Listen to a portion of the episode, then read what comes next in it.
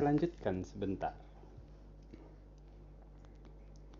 Uh, kita mulai dari uh,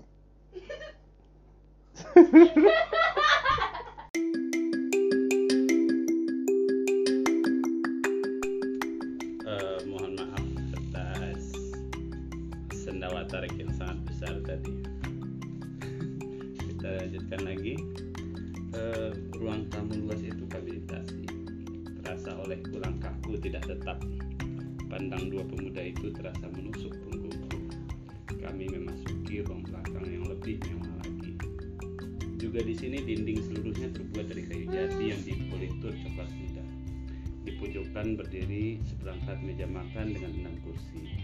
Di dekatnya terdapat tangga naik ke loteng kenap bertubur di tiga pojok lainnya di atasnya berdiri jambang bunga dari tembikar Eropa. Bunga-bungaan bersumbulan dari dalamnya dalam karangan yang serasi. Analis mengikuti pandangku berkata, Aku sendiri yang merangkainya. Siapa gurunya? Mama, mama sendiri. Bagus sekali. Melihat mataku terpancang pada lemari pajangan, ia bawa ke sana. Lemari itu berdiri pada dinding di tengah meja makan, di tentang meja makan dalamnya terpajang benda-benda seni. Tak pernah kulihat sebelumnya. Bawa kuncinya, kata analis. Itu yang paling kusukai. Ia menuding pada patung kecil dari perunggu. Kata mama itu Firaun Mesir. Ia berpikir sejenak. Kalau tak salah namanya Nefertiti.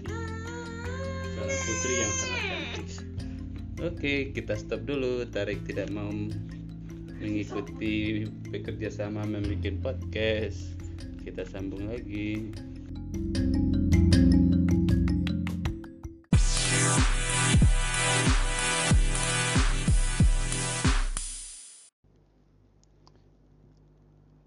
kita lanjutkan Mohon maaf sebelumnya tadi terputus Kita lanjutkan dari Ketika Mingke melihat-lihat lemari pajangan Melihat mataku terpancang pada lemari pajangan, ia bawa aku ke sana. Lemari itu berdiri pada dinding di tentang meja makan. Di dalamnya terpajang benda-benda seni. Tak pernah kulihat sebelumnya. Ada aku bawa kuncinya, kata analis. Itu yang paling kusukai. Ia menuding pada patung kecil dari perunggu. Kata mama itu Firaun Mesir. Ia berpikir sejenak. Kalau tak salah namanya Nefertiti. Seorang putri yang sangat cantik. Apa pun nama patung itu, aku heran juga seorang pribumi, Gundik pula tahu nama seorang Firaun. Di dalamnya terdapat juga patung Erlangga, ukiran Bali, duduk di atas punggung Garuda. Berbeda dari yang lain-lain, patung ini tidak terbuat dari kayu sawo, tapi sejenis kayu yang aku tak pernah tahu. Pada papan pertama terdapat deretan topeng kecil-kecil dari gerabah bergambar aneka muka binatang. Itu topeng-topeng cerita si Jin Kui. Ia menerangkan. Pernah dengar ceritanya? Belum. Suatu kali akan aku ceritai. Mau kau kiranya? Pertanyaan itu terdengar ramah dan semana menenggelamkan seluruh kemewahan dan perbedaan yang ada. Dengan senang hati, kalau begitu kau tentu suka datang lagi kemari. Suatu kehormatan. Tak ada kulit kerang besar pada kaki kenap seperti halnya di gedung-gedung kebupatian yang pernah kulihat. Sebuah fonograf terletak di atas meja pendek beroda kecil pada empat kakinya. Bagian bawah fonograf dipergunakan untuk tempat tabung musik. Meja itu sendiri berukir berlebihan dan nampaknya barang pesanan. Semua indah. Dan yang terindah tetap analis. Kenapa kau diam saja? Tanyanya lagi. Kau bersekolah. Kawan sekolah Robert Sulhoff. Rupa-rupanya abangku bangga punya teman dia. Seorang murid HBS. Sekarang aku sendiri juga punya teman murid HBS. Kaulah itu. Tiba-tiba ia menengok ke pintu belakang dan berseru, Mama, sini, Mama ada tamu. Dan segera kemudian muncul seorang wanita pribumi berkain berkebaya putih dihiasi rendah-rendah mahal. Mungkin bikinan Narden seperti diajarkan di ILS dulu. Ia mengenakan kasut beledru hitam bersulam benang perak. Permunculannya begitu mengesani karena dandanannya yang rapi, wajahnya yang jernih, senyumnya yang keibuan, dan riasnya yang terlalu sederhana. Ia kelihatan manis dan muda, berkulit langsat dan yang mengagetkan aku adalah Belandanya yang baik dengan tekanan sekolah yang benar. Ya, Hanelis, siapa tamumu? Ini Mama, Mingke namanya. Pribumi Jawa, Mama. Ia berjalan menghampiri aku dengan sederhananya. Dan inilah rupanya Nyai Ontosoroh yang banyak dibicarakan orang. Buah bibir penduduk Wonokromo dan Surabaya, Nyai penguasa Borderich Buitenzorg. Pelajar HBS, Mama. Oh iya, betul itu? Tanya Nyai padaku. Dan aku ragu. Haruskah aku ulurkan tangan seperti pada wanita Eropa atau aku hadapi dia seperti wanita pribumi, jadi aku harus tidak peduli. Tapi dialah justru yang mengulurkan tangan. Aku terheran-heran dan kikuk menerima jabatannya. Ini bukan adat pribumi, Eropa. Kalau begini caranya tentu aku akan mengulurkan tangan lebih dahulu. Tamu analis juga tamuku, katanya dalam Belanda yang fasih. Bagaimana aku harus panggil? Tuan, Sinyo? Tapi bukan Indo, bukan Indo. Apa aku harus panggil dia Nyai atau Mevro? Betul pelajar HBS? Tanyanya tersenyum ramah. Betul. Orang memanggil aku Nyai Ontosoro. Mereka tidak bisa menyebut Buitenzorg. Namanya Sinyo, nampaknya Sinyo ragu menyebut aku demikian. Semua memanggil begitu. Jangan segan. Aku tak menjawab dan nampaknya ia memaafkan kekikukanku. Kalau Sinyo pelajar HBS, tentu Sinyo putra bupati. Bupati mana itu Nyo? tidak uh, uh, begitu segannya Sinyo menyebut aku. Kalau ragu tak menghinakan diri Sinyo, panggil saja Mama seperti analis juga. Ya Mingke, gadis itu memperkuat. Mama benar, panggil saja Mama. Bukan putra bupati mana pun Mama, dan dengan memulai sebutan baru itu, kekikukanku, perbedaan antara diriku dengannya, bahkan juga keasingannya mendadak lenyap. Kalau begitu tentu putra pati, Nyai Ontosoroh meneruskan. Ia masih berdiri di hadapanku. Silakan duduk, mengapa berdiri saja? Putra Patih pun bukan, Mama. Terserahlah. Setidak-tidaknya senang juga ada teman analis datang berkunjung. Hei An, yang benar layani tamumu. Tentu Mama, jawabnya riang seakan mendapat restu. Nyai Ontosoroh pergi, pergi lagi melalui pintu belakang.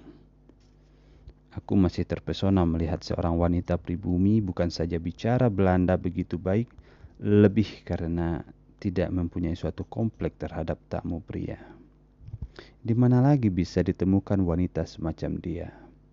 Apa sekolahnya dulu? Dan mengapa hanya seorang nyai, seorang gundik? Siapa pula yang telah mendidiknya jadi begitu bebas seperti wanita Eropa?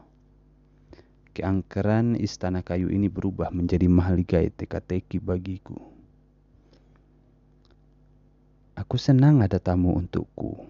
Analis semakin riang mengetahui ibunya tidak berkeberatan. Tak ada yang pernah mengunjungi aku. Orang takut datang kemari. Juga teman-teman sekolahku dulu. Apa sekolahmu dulu? ELS tidak tamat, belum lagi kelas 4. Mengapa tak diteruskan? Analis menggigit jari, memandangi aku. Ada kecelakaan, jawabnya tak meneruskan. Tiba-tiba ia bertanya, Kau Islam? Mengapa? Supaya tak termakan babi olehmu. Terima kasih. Ya, Seorang pelayan wanita menghidangkan susu coklat dan kue. Dan pelayan itu tidak datang merangkak-rangkak seperti pada majikan pribumi. Malah dia melihat padaku seperti menyatakan keheranan. Tak mungkin yang demikian terjadi pada majikan pribumi. Dia harus menunduk, menunduk terus, dan alangkah indah kehidupan tanpa merangkak-rangkak di hadapan orang lain. Tamuku Islam, kata analis dalam Jawa pada pelayannya. Katakan di belakang sana jangan sampai tercampur babi. Kemudian dengan cepat kemudian dengan cepatnya ia berpaling padaku dan bertanya, "Mengapa kau masih juga diam saja?" Mengagumi rumah ini, kataku. Serba indah. Betul-betul senang kau di sini. Tuh, tentu saja. Kau tadi pucat. Mengapa? Keramahannya cukup mempesonakan dan memberanikan. Mengapa? Tidak tahu. Aku kembali bertanya. Karena tak karena tak pernah menyangka akan bisa berhadapan dengan seorang dewi secantik ini. Ia terdiam dan menatap aku dengan mata kejoranya. Aku menyesal telah mengucapkannya. Ragu dan perlahan ia bertanya. Siapakah maksud Dewi itu? Kau, desauku juga ragu. Ia meneleng. Air mukanya berubah, matanya membeliak. Aku, kau katakan aku cantik. Aku menjadi berani lagi menegaskan, tanpa tandingan. Mama, pekik analis dan menoleh ke pintu belakang. Celaka. Pekikku mengimbangi dalam hati saja tentu. Gadis itu pergi ke pintu belakang. Dia akan mengadu pada Nyai. Anak sinting. Tak sebanding dengan kecantikannya.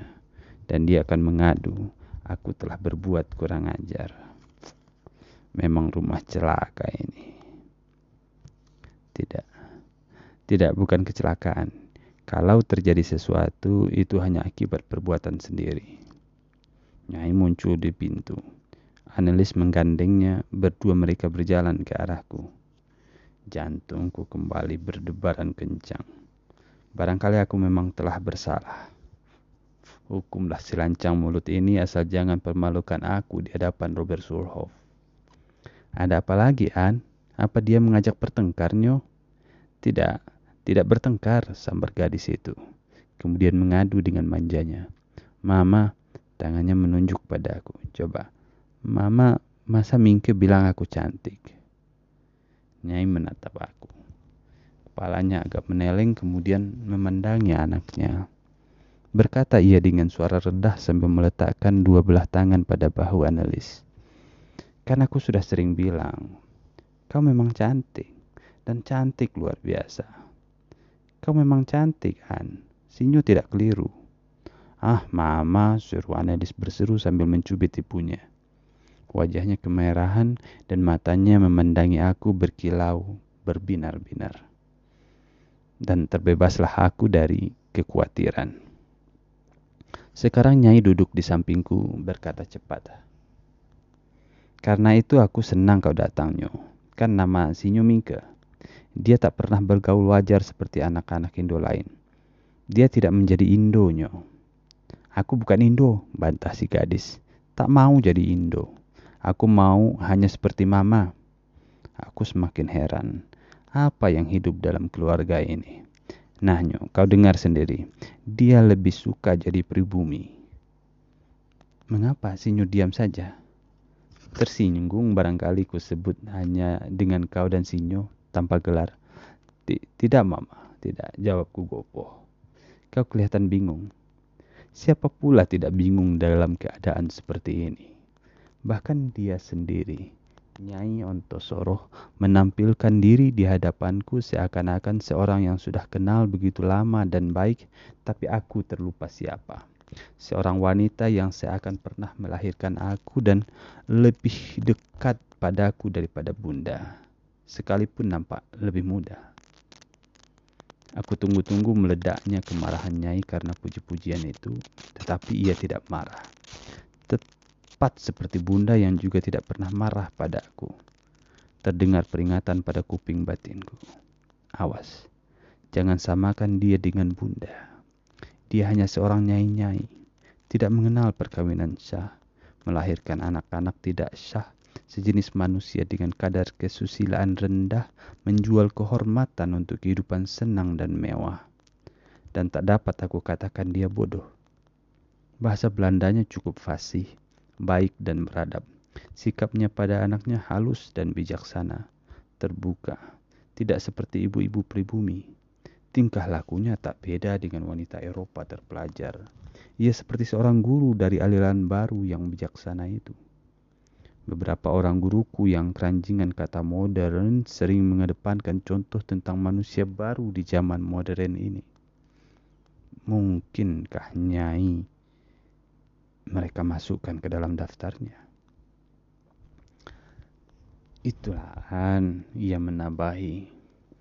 Kau tidak punya pergaulan, maunya di dekat mama saja. Sudah besar tapi tetap seperti bocah kecilik. Secepat kilat kata-katanya kemudian ditujukan padaku. Nyo, kau biasa memuji-muji gadis. Pertanyaan itu menyambar sebagai kilat. Melihat gelagat yang baik itu, aku pun didorong untuk menangkis secara kilat dan baik-baik pula. Kalau gadis itu memang cantik kan tiada buruk memujinya. Gadis Eropa atau pribumi? Bagaimana gadis pribumi bisa dipuji?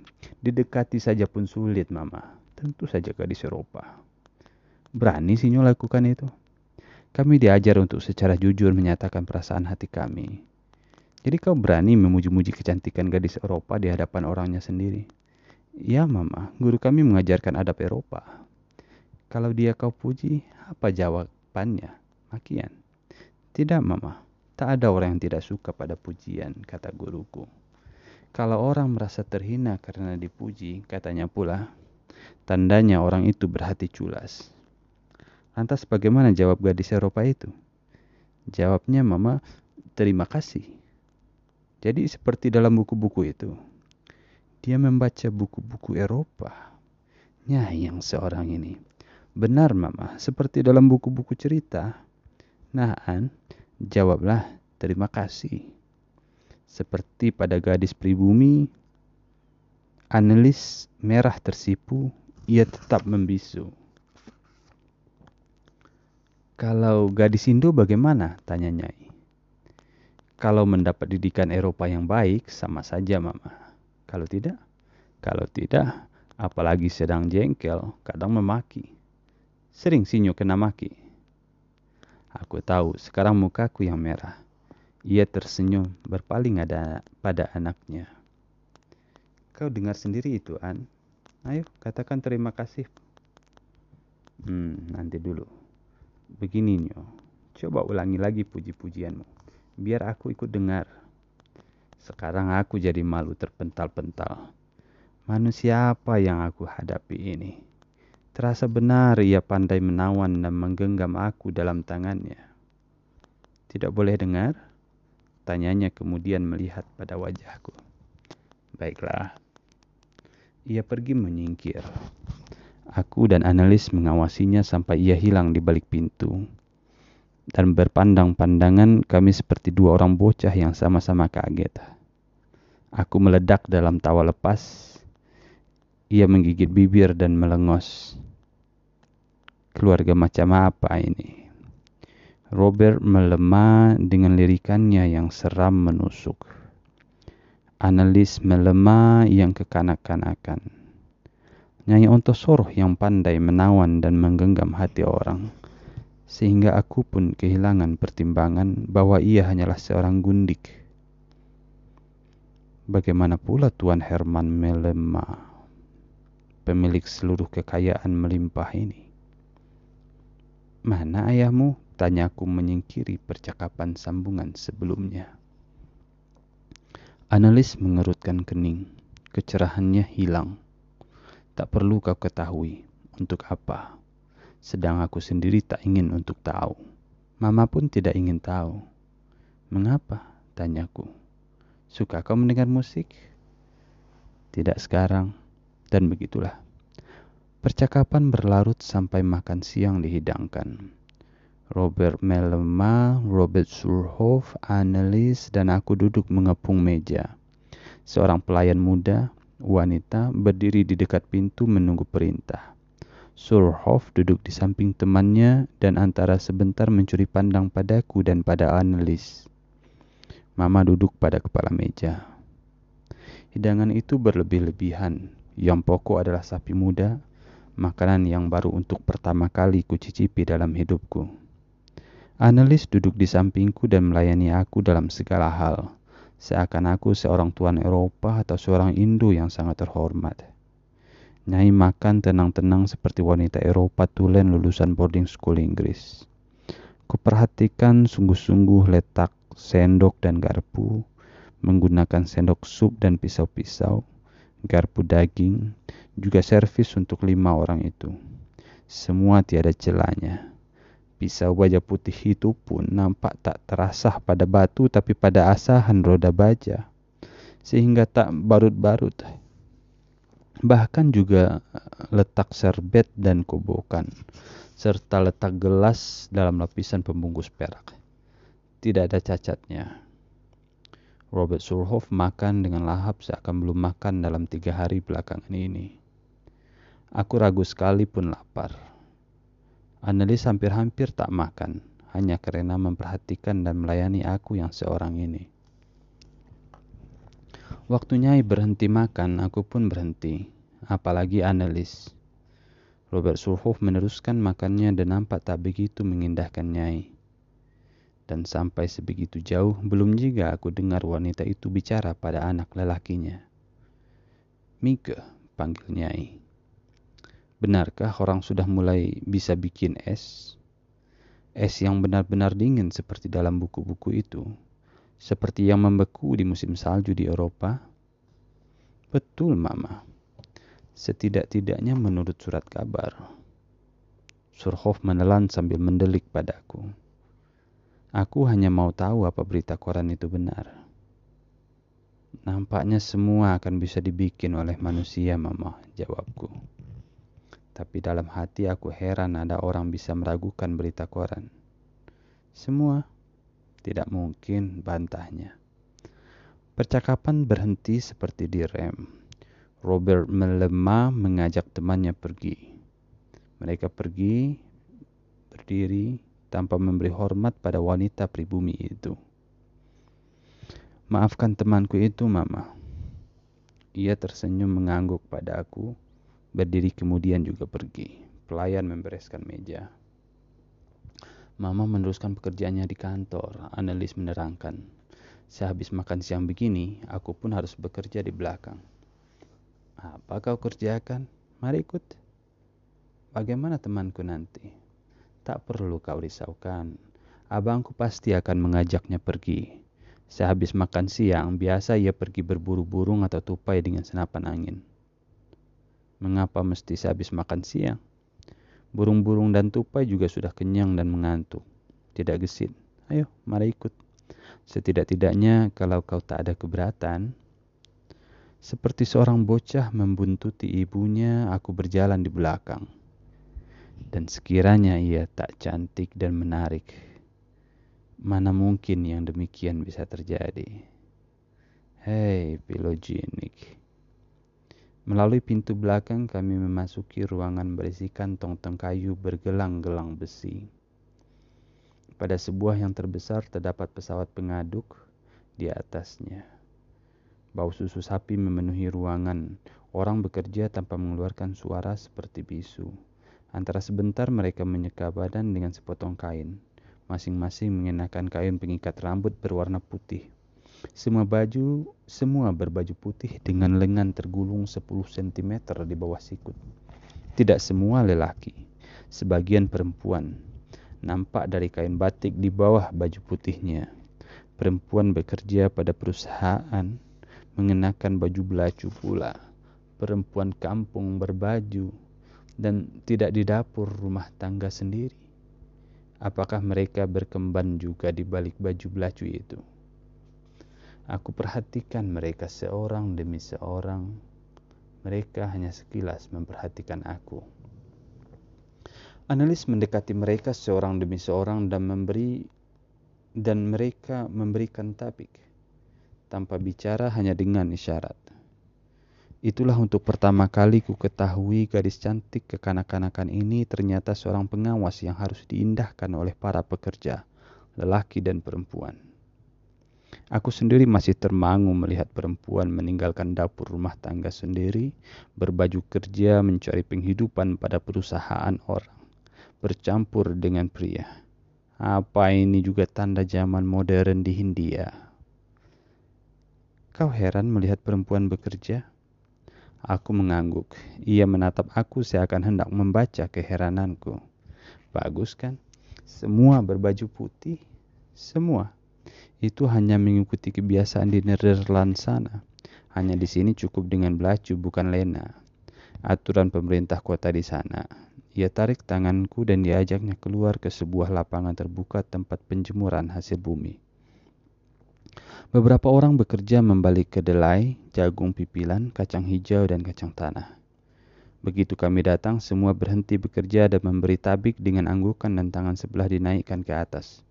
Semua bercaping bambu. Analis bertepuk-tepuk dan memperlihatkan dua jari. Pada siapa aku tak tahu. Sebentar kemudian datang seorang bocah pekerja membawakan dua buah topi bambu. Sebuah ia kenakan padaku, pada kepalaku, kemudian dikenakannya sendiri.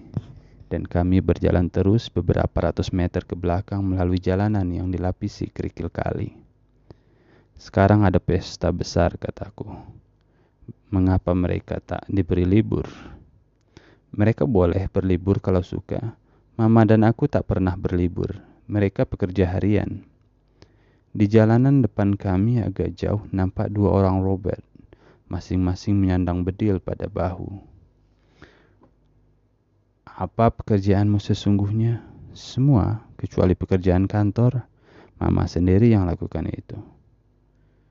Jadi Nyai Ontosoro melakukan pekerjaan kantor. Pekerjaan kantor macam apa yang dia bisa? Administrasi, tanyaku mencoba-coba. Semua, buku, dagang, surat menyurat, bank. Aku berhenti melangkah.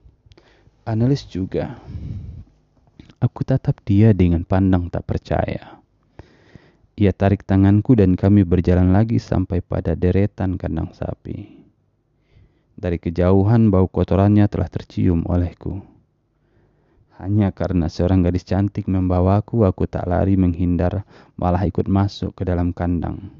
Baru sekali ini seumur hidup. Sungguh. Deretan kandang itu sangat panjang. Di dalamnya orang-orang sedang sibuk mengurus umpan dan minum sapi perahan. Bau kotoran dan rumput layu menyesakkan nafas. Aku tahan rangsangan untuk muntah. Sering dokter hewan datang kemari, aku bertanya. Kalau dipanggil, setahun yang lalu hampir saban hari. Tuan Tom Shore itu Mama tetap tak mau katakan ramuan yang dibikin oleh perempuan penjual jamu. Obat pelawan mastitis. Apa mastitis itu? Ia tak menjawab. Dengan menjinjing tepi gaun satinnya, analis menghampiri beberapa ekor sapi dan menepuk-nepuk pada jidat di antara dua tanduk. Bicara berbisik pada mereka, bahkan juga tertawa-tawa. Aku perhatikan dia dari suatu jarak. Ia begitu lincah memasuki kandang dan beramahan dengan sapi, bergaun satin seperti itu. Juga di sini terdapat pekerja-pekerja wanita, hanya tidak berbaju kerja. Orang-orang memberikan tabik dengan membungkuk dan mengangkat tangan pada kami berdua, dan aku sendiri mundur-mundur mendekati pintu, mendekati udara segar. Ia menengok ke belakang padaku dan dengan isyarat menyuruh aku mendekat. Aku pura-pura tak mengerti. Sebaliknya aku mulai memperhatikan para pekerja yang nampak terheran-heran melihat kehadiranku. Mereka menyapu, menyiram lantai kandang, menggosok dengan sapu yang sangat panjang tangkainya. Semua wanita. Analis berjalan sepanjang para-para dan aku berjalan sejajar dengannya. Ia berhenti. Kulihat ia bicara dengan seorang pekerja. Darah itu antara sebentar menggeleng sambil mencari aku dengan matanya. Mungkin mereka berdua sedang membicarakan diriku yang seorang ini. Seorang gadis pekerja berjalan miring-miring di depanku membawa dua ember kosong dari seng. Wajahnya manis dan menarik. Sebagai yang lain-lain ia berkemban dan berkain. Telanjang kaki, basah, kotor dengan jari-jari menerompet keluar. Buah dadanya padat dan menyolok dan dengan sendirinya menarik perhatian. Ia menunduk, melirik padaku dari bawah kening dan tersenyum mengundang. Tabik sinyo, tegurnya bebas, lunak dan memikat. Tidak pernah aku temui wanita pribumi sebebas itu memberi tabik pada seorang pria yang belum pernah dikenalnya. Ia berhenti di hadapanku, bertanya dalam Melayu. Kontrolnya? Ya, kataku. Ya, you minum. Tiba-tiba analis sudah ada di belakangku. Sudah berapa ember perahanmu sehari? Sekarang ini menggunakan Jawa. Tetap saja, Non, jawab minum dalam Jawa kromo. Mana bisa jadi mandor perah kalau begitu? Kalau non sudi kan bisa saja. Kalau hasil perahanmu tidak lebih banyak dari yang lain-lain, kau tak akan bisa memberi contoh kerja yang baik. Tak mungkin bisa jadi mandor, yuk. Tapi kami tak, tak punya mandor, bantah minum. Kan aku mandor kalian. Analis menarik tanganku dan kami berjalan terus sepanjang kepala-kepala sapi. Kau mandori mereka? Tanyaku. Perahanku sendiri tetap lebih banyak, jawabnya. Nampaknya kau tak suka pada sapi. Mari ke kandang kuda kalau kau suka. Atau ke ladang. Tak pernah aku pergi ke ladang. Ada yang menarik pada ladang. Namun aku ikuti juga dia. Atau kau lebih suka naik kuda? Naik kuda, seruku. Kau naik kuda. Gadis kekanak-kanakan yang belum pernah menamatkan sekolah dasar ini tiba-tiba muncul di hadapanku sebagai gadis luar biasa. Bukan hanya dapat mengatur pekerjaan begitu banyak, juga seorang penunggang kuda dapat memerah lebih banyak daripada semua pemerah. Tentu, bagaimana bisa mengawasi panen seluas itu kalau tidak berkuda? Kami memasuki ladang yang habis dipanen, kacang tanah. Di mana-mana nampak panenan tergelar di atas tanah dan tumpukan-tumpukan rendeng yang telah siap diangkut untuk makanan ternak. Tanah di sini sangat bagus, bisa menghasilkan kacang tanah kering gelondongan 3 ton setiap hektar. Kalau tidak membuktikan sendiri, boleh jadi orang tak akan percaya. Analis menerangkan, tanah baik, kualitas satu, menguntungkan Rendengnya pun baik buat pupuk dan buat ternak. Nampaknya ia dapat membaca pikiranku. Peduli apa dua atau lima ton setiap hektar? Terdengar suaranya. Kau tak punya perhatian pada ladang? Mari berpacu kuda, setuju? Sebelum aku menjawab, ia telah tarik tanganku. Diseretnya aku sambil lari. Ku dengar nafasnya sampai terengah-engah. Di bawahnya aku masuk ke sebuah bangsal lebar dan besar yang ternyata kandang kereta. Andong, gerobak, bendi. Pada dinding-dinding bergelantungan abah-abah dengan sanggurdi aneka macam. Sebagian besar ruangan kosong. Melihat aku terheran-heran menyaksikan kandang kereta seluas gedung kebupatian, ia tertawa kemudian menuding pada sebuah bendi yang dihiasi dengan serba kuningan mengkilat dan berlampu karbit. Pernah lihat bendi sebagus itu? Tak pernah aku memperhatikan kebagusan pada bendi. Kepunyaan siapa pun. Sekarang karena tunjukannya, tiba-tiba aku melihat kebagusannya. Mungkin karena sarannya, mungkin juga karena memang bagus. Belum, belum pernah jawabku sambil mendekati kendaraan itu. Analis menarik aku lagi. Kami memasuki kandang kuda yang lebar dan panjang. Hanya ada tiga ekor di dalamnya. Sekarang bau kuda yang memadati ruangan itu menubruk penciumanku. Ia hampiri seekor yang berwarna kelabu dirangkulnya leher binatang itu dan membisikkan sesuatu pada kupingnya. Binatang itu meringkik lemah seperti tertawa menanggapi, kemudian ia meringis memperlihatkan giginya yang perkasa waktu moncongnya ditepuk. Analis tertawa riang. Suaranya berderai.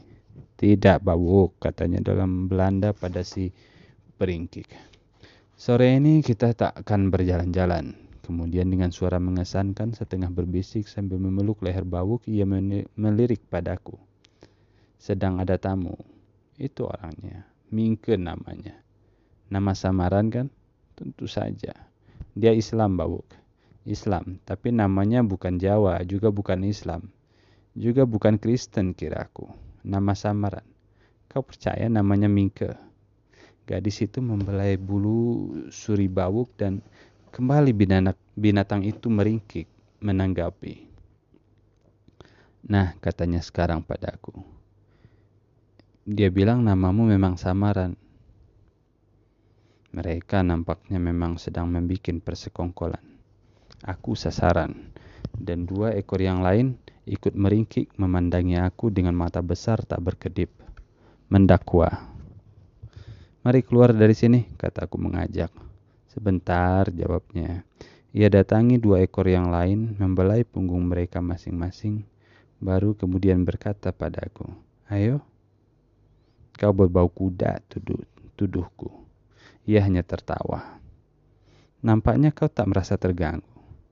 Tidak apa, jawabnya ketus. Sudah terbiasa sejak dia masih kecil. Mama akan marah kalau aku tak menyayanginya.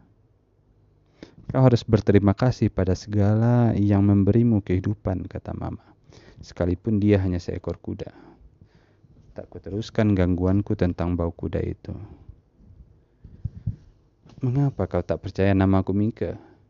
Matanya bersinar tak percaya, menuduh, mendakwa, menuding, dan aku terpaksa membela diri. Memang bukan mauku bernama atau dinamai Mingke. Aku sendiri tak kurang-kurang heran. Ceritanya memang agak berbelit. Dimulai kala aku memasuki ELS tanpa mengetahui Belanda sepatah pun. Menir Ben Rosenboom, guruku yang pertama-tama, sangat jengkel pada aku. Tak pernah aku dapat menjawab pertanyaannya kecuali dengan tangis dan lolong. Namun setiap hari seorang opas mengantarkan aku ke sekolah terbenci itu. Dua tahun aku harus tinggal di kelas satu. Menerusan boom tetap jengkel padaku dan padanya aku takut. Bukan buatan. Pada tahun pengajaran baru aku sudah agak bisa menangkap Belanda. Teman-temanku sudah pada pindah ke kelas 2. Aku tetap di kelas 1 ditempatkan di antara dua orang gadis Belanda yang selalu usil mengganggu. Gadis Vera di sampingku mencubit pahaku sekuat dia dapat sebagai tanda perkenalan. Aku, aku menjerit kesakitan. Meniru sembuh melotot menakutkan membentak. Diam kau monk, Mingke. Sejak itu seluruh kelas yang baru mengenal aku memanggil aku Mingke. Satu-satunya pribumi. Kemudian juga guru-guruku juga teman-teman semua kelas juga yang di luar sekolah. Pernah aku tanyakan pada kakekku apa arti nama itu. Ia tak tahu.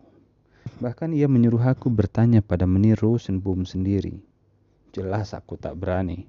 Kakekku bukan hanya tak tahu Belanda menulis dan membaca, tulisan Latin pun tak bisa. Ia hanya tahu Jawa, tulisan dan lisan. Ia malah setuju menerima julukan itu sebagai nama tetap kehormatan dari seorang guru yang baik dan bijaksana, maka hampir lenyaplah nama asliku. Sampai tamat ALS aku masih tak percaya nama itu mengandung sesuatu yang tidak menyenangkan. Waktu menyebutkannya untuk pertama kali, mata guruku itu melotot seperti mata sapi. Alisnya terangkat seperti sedang mengambil ancang-ancang hendak melompat dari mukanya yang lebar, dan penggaris di tangannya jatuh di atas meja. Sama sekali tak ada kasih sayang, kebaikan, atau kebijaksanaan. Jauh. Dalam kamus Belanda tak aku dapatkan kata itu. Kemudian masuklah aku ke HBS Surabaya. Juga guru-guruku tak tahu arti dan etimologinya.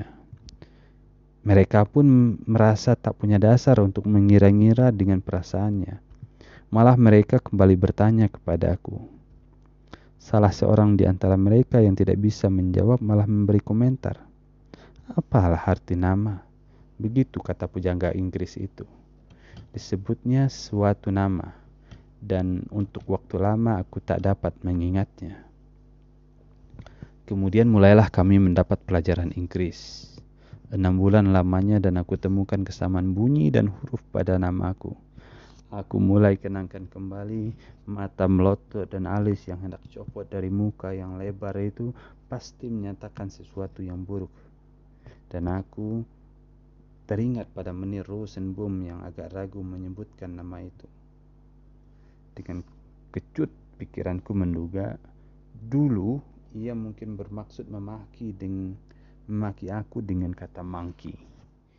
Dan tak pernah dugaanku yang kira-kira tepat itu aku ceritakan pada orang lain. Salah-salah aku bisa jadi bahan lelucon seumur hidup. Tak dibayar pula. Juga pada analis yang juga pada analis bagian ini tak pernah kuceritakan padanya.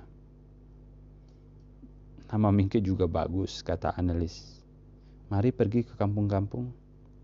Di atas tanah kami ada empat buah kampung.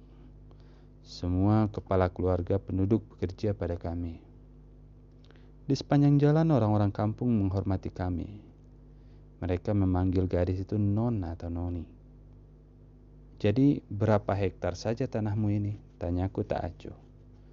180. 180. Tak dapat aku bayangkan sampai seberapa luas. Dan ia meneruskan, sawah dan ladang. Hutan dan semak-semak belum termasuk. Hutan. Dia punya hutan. Gila. Punya hutan. Untuk apa? Hanya untuk sumber kayu bakar, ia menambahkan. Rawa juga punya barangkali. Ya, ada dua rawa kecil. Rawa pun dia punya. Bukit bagaimana? Tanyaku. Bukit? Kau mengejek. Ia cubit aku. Barangkali untuk diambil apinya kalau meletus Ih, ia mencubit lagi. Apa yang menggerombol di sana itu? Tanyaku menyeleweng. Hanya rumpun gelagah. Kau tak pernah melihat gelagah. Mari ke sana, aku mengajak. Tidak, jawabnya tegas dan bahunya diangkat. Kepalanya nampak bergidik. Kau takut pada tempat itu? Aku menuduh. Ia gandeng tanganku dan kurasai tangan itu dingin. Matanya tiba-tiba saja jadi gugup dan berusaha secepat mungkin melepaskan diri dari rumpunan gelagah itu. Bibirnya pucat. Aku menoleh ke belakang. Ia tarik tanganku. Berbisik gugup. Jangan perhatikan. Ayo, jalan cepat sedikit. Kami memasuki sebuah kampung, meninggalkannya dan memasuki yang lain. Di mana saja sama Bocah-bocah kecil telanjang bulat bermain-main. Sebagian besar dengan ingus tergantung pada hidung. Ada juga di antaranya yang suka menjilati. Di tempat-tempat teduh, wanita-wanita bunting tua sedang menjahit sambil menggendong anak kecil atau dua tiga wanita duduk berbaris mencari kutu kepala. Beberapa orang perempuan menahan analis dan mengajaknya bicara, minta perhatian dan bantuan. Dan gadis luar biasa ini seperti seorang ibu melayani mereka dengan ramah. Jangankan pada sesama manusia, pada kuda pun ia berkasih sayang selama mereka semua memberinya kehidupan. Ia nampak begitu agung di antara penduduk kampung. Rakyatnya mungkin lebih agung daripada darah yang pernah kuimpikan selama ini dan kini telah marak ke atas tahta memerintah Hindia, Suriname, Antillen, dan Netherlands sendiri. Kulitnya pun mungkin lebih bagus dan lebih cemerlang. Lebih bisa didekati. Begitu terbebas dari rakyatnya, kami berjalan lagi. Di sekitar kami alam luas terbentang dan langit cerah tiada awan. Panas sengangar. Pada waktu itulah kubisikkan padanya kata-kata ini. Pernah kau lihat gambar Sri Ratu? Tentu saja. Cantik bukan alang kepalang. Ya, kau tak salah. Mengapa? Kau lebih daripadanya. Ia berhenti berjalan hanya untuk menatap aku dan Terima kasih, Mingga. Jawabnya tersipu. Jalan itu semakin panas dan semakin sunyi. Aku lompati selokan hanya untuk mengetahui ia akan ikut melompat atau tidak. Ia angkat gaun panjangnya tinggi-tinggi dan melompat. Aku tangkap tangannya, aku dekap dan kucium pada pipinya. Ia nampak terkejut, membeliak mengawasi aku. Kau, tegurnya. Mukanya pucat. Dan aku cium dia sekali lagi. Kali ini terasa olehku kulitnya halus seperti beledu. Gadis tercantik yang pernah aku temui, bisikku sejujur hatiku. Aku suka padamu, An. Ia tak menjawab, juga tak menyatakan terima kasih. Hanya dengan isyarat ia mengajak pulang dan ia berjalan membisu dan tetap membisu sampai kami tiba di belakang komplek perumahan. Firasat pun datang padaku. Kau akan mendapat kesulitan karena perbuatanmu yang belakangan ini, Mingga. Kalau dia mengadu pada Darsam boleh jadi kau akan dipukulnya tanpa kau bisa menggonggong. Ia berjalan menunduk. Baru pada waktu Baru pada waktu itu aku mengetahui sandalnya tertinggal sebelah di seberang selokan. Dan aku pura-pura tidak tahu. Kemudian aku merasa malu pada diri sendiri karena pura-pura tidak tahu, memberingatkan. Sandalmu tertinggal, An. Ia tidak peduli, tidak menjawab, tidak menoleh. Ia berjalan lebih cepat. Aku bercepat menghampirinya. Kau marah, An? Marah padaku? Ia tetap membisu. Dari kejauhan nampak istana kayu itu tinggi di atas atap yang lain. Pada sebuah jendela loteng nampak Nyai sedang mengawasi kami. Analis yang berjalan menunduk tidak tahu. Mata pada jendela itu tetap mengikuti kami sampai atap-atap gudang menutup pemandangan.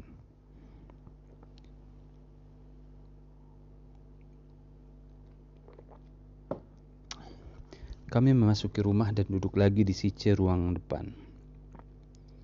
Analis duduk diam-diam membiarkan beku semua pertanyaanku. Mendadak ia merentak bangun.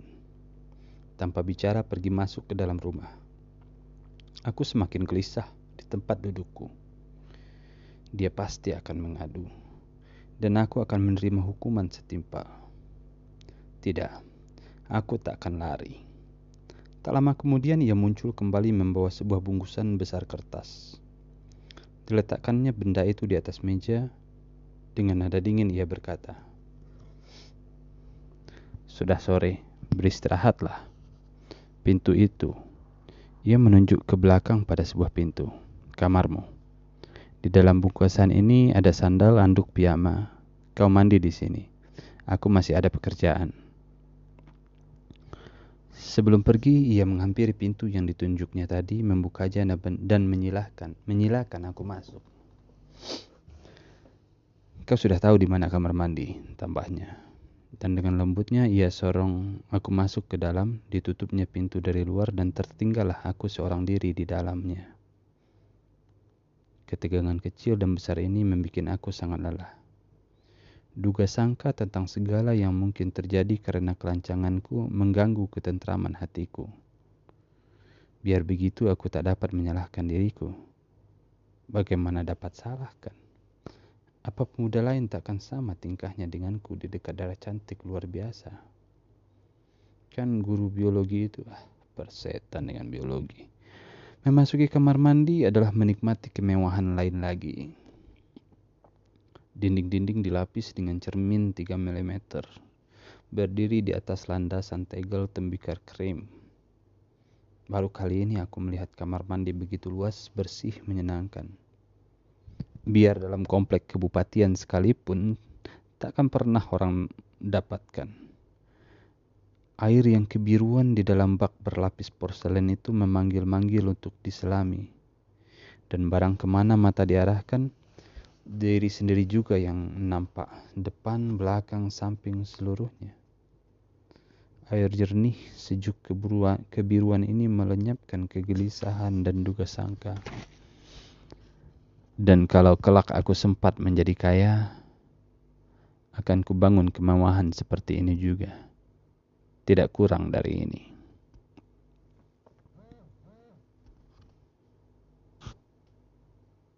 Mama mempersilahkan aku duduk di ruang belakang. Ia sendiri duduk di sampingku dan mengajak aku bicara tentang perusahaan dan perdagangan. Ternyata pengetahuanku tentangnya tiada artinya. Ia mengenal banyak istilah Eropa yang aku tak tahu. Kadang ia malah menerangkan seperti seorang guru, dan ia bisa menerangkan. Nyai apa pula di sampingku ini? Sinyo punya perhatian pada perusahaan dan perdagangan, katanya kemudian. Seakan aku sudah mengerti semua yang dikatakannya. Tak biasa itu terjadi pada orang Jawa, apalagi putra pembesar. Atau barangkali Sinyo kelak hendak jadi pengusaha atau pedagang? Selama ini aku sudah mencoba-coba berusaha, Mama. Sinyo, putra bupati. Mencoba-coba berusaha bagaimana? Mungkin juga karena bukan anak bupati itu, bantahku. Apa sih usahakan? Mebel dari kelas teratas, Mama. Aku mulai berpropaganda dari gaya dan model terakhir Eropa. Biasa aku tawarkan di kapal pada pendatang baru, juga di rumah-rumah orang tua teman-teman sekolah. Dan sekolah Sinyo tidak tercecer. Belum pernah, Mama. Menarik. Bagiku siapa pun berusaha selalu menarik. Sinyo punya bengkel mebel sendiri. Berapa tukangnya? Tak ada, hanya menawar-nawarkan dengan membawa gambar. Jadi kedatanganmu ini juga hendak berdagang. Coba lihat gambar-gambarmu. Tidak. Datang kemari aku tak membawa sesuatu. Hanya kalau mama memerlukan lain kali akan kubawakan. Lemari misalnya, seperti dalam istana-istana raja-raja Austria atau Prancis atau Inggris. Renaissance, Barok, Rokoko, Victoria. Ia dengarkan ceritaku dengan hati-hati. Dua kali ia berkecap-kecap, entah memuji, entah mengejek, kemudian berkata pelan. Berbahagialah dia yang makan dari keringatnya sendiri, bersuka karena usahanya sendiri, dan maju karena pengalamannya sendiri. Nadanya terdengar seperti keluar dari rongga dada seorang pendeta dalam cerita wayang. Kemudian ia berseru, "Bukan main." Ia melihat ke atas pada tangga loteng. Ah. Dari tangga itu turun bidadari Annelies berkain batik berkebaya berenda. Sanggulnya agak ketinggian sehingga menampakkan lehernya yang jenjang putih. Leher, lengan, kuping, dan dadanya dihiasi dengan perhiasan kombinasi hijau, putih, zamrud, mutiara, dan berlian. Sebetulnya aku tidak tahu betul mana intan mana berlian asli atau tiruan. Aku terpesona. Pasti dia lebih cantik dan menarik daripada bidadarinya Jaka Tarub dalam dogengan babat tanah Jawi. Nampak ia tersenyum-senyum malu. Perhiasan yang dikenakannya agak atau memang berlebihan, terlalu mewah. Dan aku merasa dia berhias untuk diriku seorang. Dan untuk paras dan resam seindah itu, rasanya tak diperlukan sesuatu perhiasan. Bahkan telanjang bulat pun masih akan tetap indah. Keindahan karunia para dewa itu masih tetap lebih unggul daripada rekaan orang. Dengan segala perhiasan dari laut dan bumi, ia kelihatan jadi orang asing sedang pakaian yang tiada biasa dikenakannya itu membuat gerak-geriknya menjadi seperti boneka kayu. Keluesannya hilang, segala yang ada padanya diliputi keseakanan. Tapi tak apalah, yang indah akan tetap indah. Hanya aku yang harus pandai menyingkirkan keberlebihannya. Dia bersolek untukmu, Nyo, bisik Nyai. Perempuan hebat. Nyai yang seorang ini, pikirku. Analis berjalan menghampiri kami sambil masih tersenyum dan mungkin telah menyediakan terima kasih dalam hatinya. Belum lagi aku sempat memuji, Nyai telah mendahului. Dari siapa kau belajar bersolek dan berdandan seperti itu?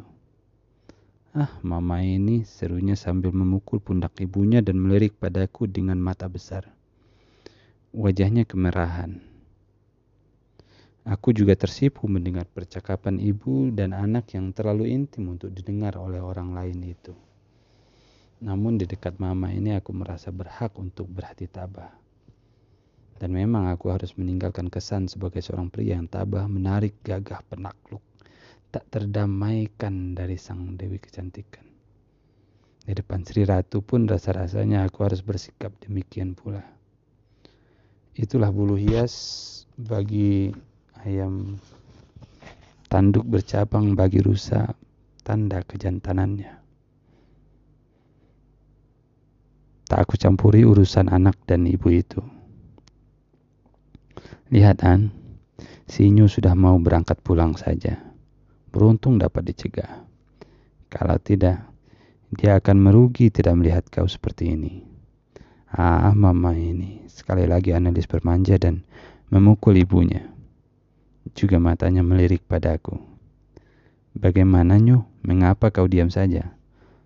Lupa kau pada adatmu. Terlalu cantik, Mama.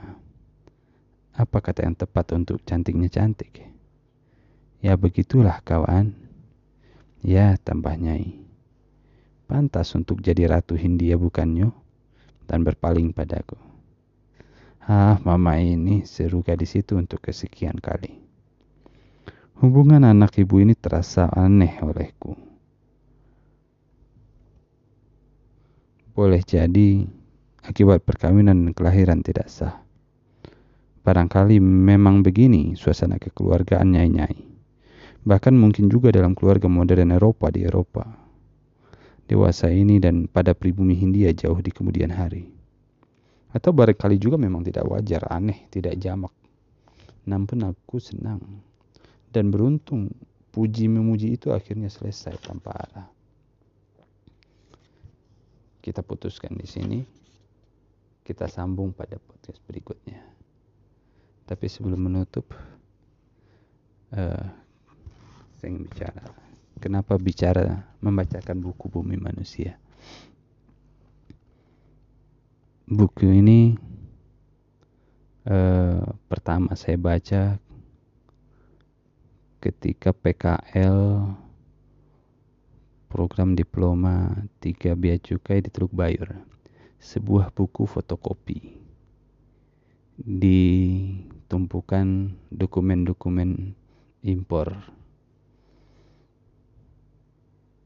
Saya buka-buka baca dan tidak bisa berhenti membacanya dan saya heran. Sampai kuliah itu saya belum pernah mendengar nama Pramudia Anandatur dan buku ini begitu wah megah menggugah pikiran. Dari situ mulai timbul pertanyaan bagaimana mungkin buku seindah ini tidak pernah dibicarakan di sekolah. Cara bercerita yang begitu begitu ringkas. Kalau pengarang tulisannya itu bisa dirasakan uh, kematangan, kedewasaan dan jenis kelaminnya menurut saya. Pram ini adalah jenis penulis yang laki-laki sekali. Cara penulisannya maskulin, kosakatanya maskulin dan uh, matang.